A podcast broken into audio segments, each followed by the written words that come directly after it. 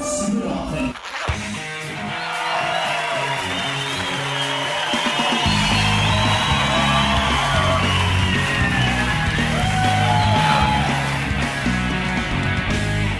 So die ou stap by 'n biblioteek in.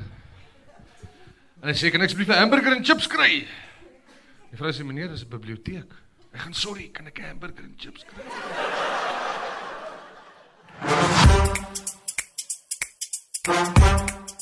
Vra jy hom wie Meltsibragen is, sê hy die volgende: Meltsibragen is 'n knorrige, pedantiese middeljarige man wat heel suksesvol wegkruip in die lyf van 'n vrolike, opgeruimde middeljarige komediant. Hy het intense voorliefde vir die absurde, 'n absolute weersin in die onregverdige en 'n onverklaarbare vermoë om nog steeds in volledige sinne te kan praat ten spyte van een of albei sy voete in sy mond. Ehm um, ek kry die naam van my oupa af van my ma se kant. Hy was Melt Mollet. Sy ma was 'n nooi van der Spy. Die naam Melt is nie so onbekend nie. Daar's Melt van der Spy wat op Via is, uh Melt Meyburg die uitgewer. Daar was 'n Melt Hanekom wat rugby gespeel het vir Suid-Afrika. Ek ken drie ander Melts persoonlik. So it's not the strangest name, dis net 'n ongewone naam. Dis 'n van der Spy familienaam oorspronklik.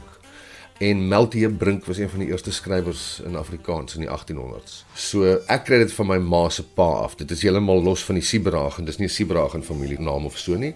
Ek kom van Ventersdorp af en ek onthou dit met wisselvallige uh memories van genot en frustrasie want Ventersdorp was bietjie van 'n interessante plek om groot te word in die 90's. My ma's Hetty Sibragen, sy's Engels onderwyseres van Ventersdorp af. Sy's nog steeds daar um, sy 78 en sy gee nog steeds Engels by die hoërskool. My pa was van die Oos-Kaap, van Somerset Oos, Siep Sieberagen. Hy is oorlede in 2017. Hy was 'n great mens. Hy was drankwinkel eienaar onder andere voordat hy op die plaas gebly. Hulle my pa het my werksetiek geleer. My pa het vreeslik hard gewerk en ek dink my ma het my 'n liefde vir taal en kuns geleer en sy probeer nog om my bietjie compassion ook te leer. Die jong Meld was ietwat van 'n bleeksiel op skool. Dis die woorde uit sy eie mond. Uitblinker ja, voorbeeldig ja, pluggie ja, moeilikheidmaker nee, kon nie wees nie want my ma was 'n onderwyseres by die skool waar ek was en dit was Ventersdorp, daar was net 300 kinders in die skool. Was 'n verskriklike geek en 'n nerd en 'n pluggie. Onnodiglik so as ek ek was hoofseun, maar as ek nou dinge kon oordoen, sou ek nie noodwendig weer gewees het nie. My ma het bietjie probeer keer en my gestuur om na die mediese fakulteit se oop dag toe te gaan en so, wat dit dit ook. En toe gaan swaat ek drama in Pretoria. Ek was geïnspireer deur ouens soos Pieter Dirk Eys, Casper de Vries, um Nathaniel, as ek het dit gesien. Ek wou dit doen, daai een man verhoog vibes kabaret of comedy praat nou van die van die vroeë 90s toe Casper de Vries small talks gedoen het sy een van sy shows. Ja, so ek het gedink dis al wat ek gaan doen. Gelukkig toe ek gaan drama sou toe leer ek skryf en edit en direct en act en allerlei ander aspekte. So nou kan ek enigiets van al daai goed doen. Ja, ek hou van goed wat vlot verloop.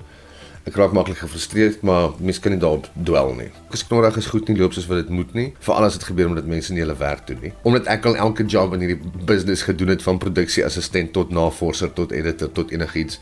I know what should be done, so ek raak net gefrustreerd as dinge voortsleep want mense doen nie wat hulle moet doen nie. Um ordelik, soos beplan. As as dinge onnodiglik moeite is, dan raak ek gestres en ek raak nie gestres nie, ek raak knorrig. Die mense wat hom staande hou, sy vrou Marika, sy ma, skoonouers, goeie pelle En my katte, Kevin en Marcy. en nou te danke aan 'n TV-vasvra-program genaamd Slimkoppe, kry hy uiteindelik die kans om daai opgegaarde trivia met ander te deel. Ja, ek's baie gelukkig. Ek's regtig baie gelukkig. Nou uiteindelik kan ek al hierdie goed wat ek weet gebruik vir iets. Ehm um, dis baie lekker, dis lekker mense om mee te kuier, dis goed nagevors, dis baie goed nagevors. Ons kan lekker chat. Dis net 'n lekker geleentheid om interessanthede uit te ruil en ek waardeer dit dat mense kyk daarna. Daar is maar 'n bietjie soos om af te luister op 'n gesprek tussen tussen die die skaakklub of so iets in 'n in 'n biblioteek. Maar dis baie aangenaam. En toekomsplanne of drome? Ja, ek het. Moenie vir my vra wat dit is nie, maar, maar ek het dit. ek wil net aangaan soos wat ek aangaan. I'm, ek is baie dankbaar en bevoorreg om te kan doen wat ek kan doen en ek sal net meer en meer daarvan wil doen. Al wat ek sou anders doen is ek sou R5000 op Japan gesit het om te wen teen die Springbokke in die 2015 Wêreldbeker. Dan het ek nou afgetree.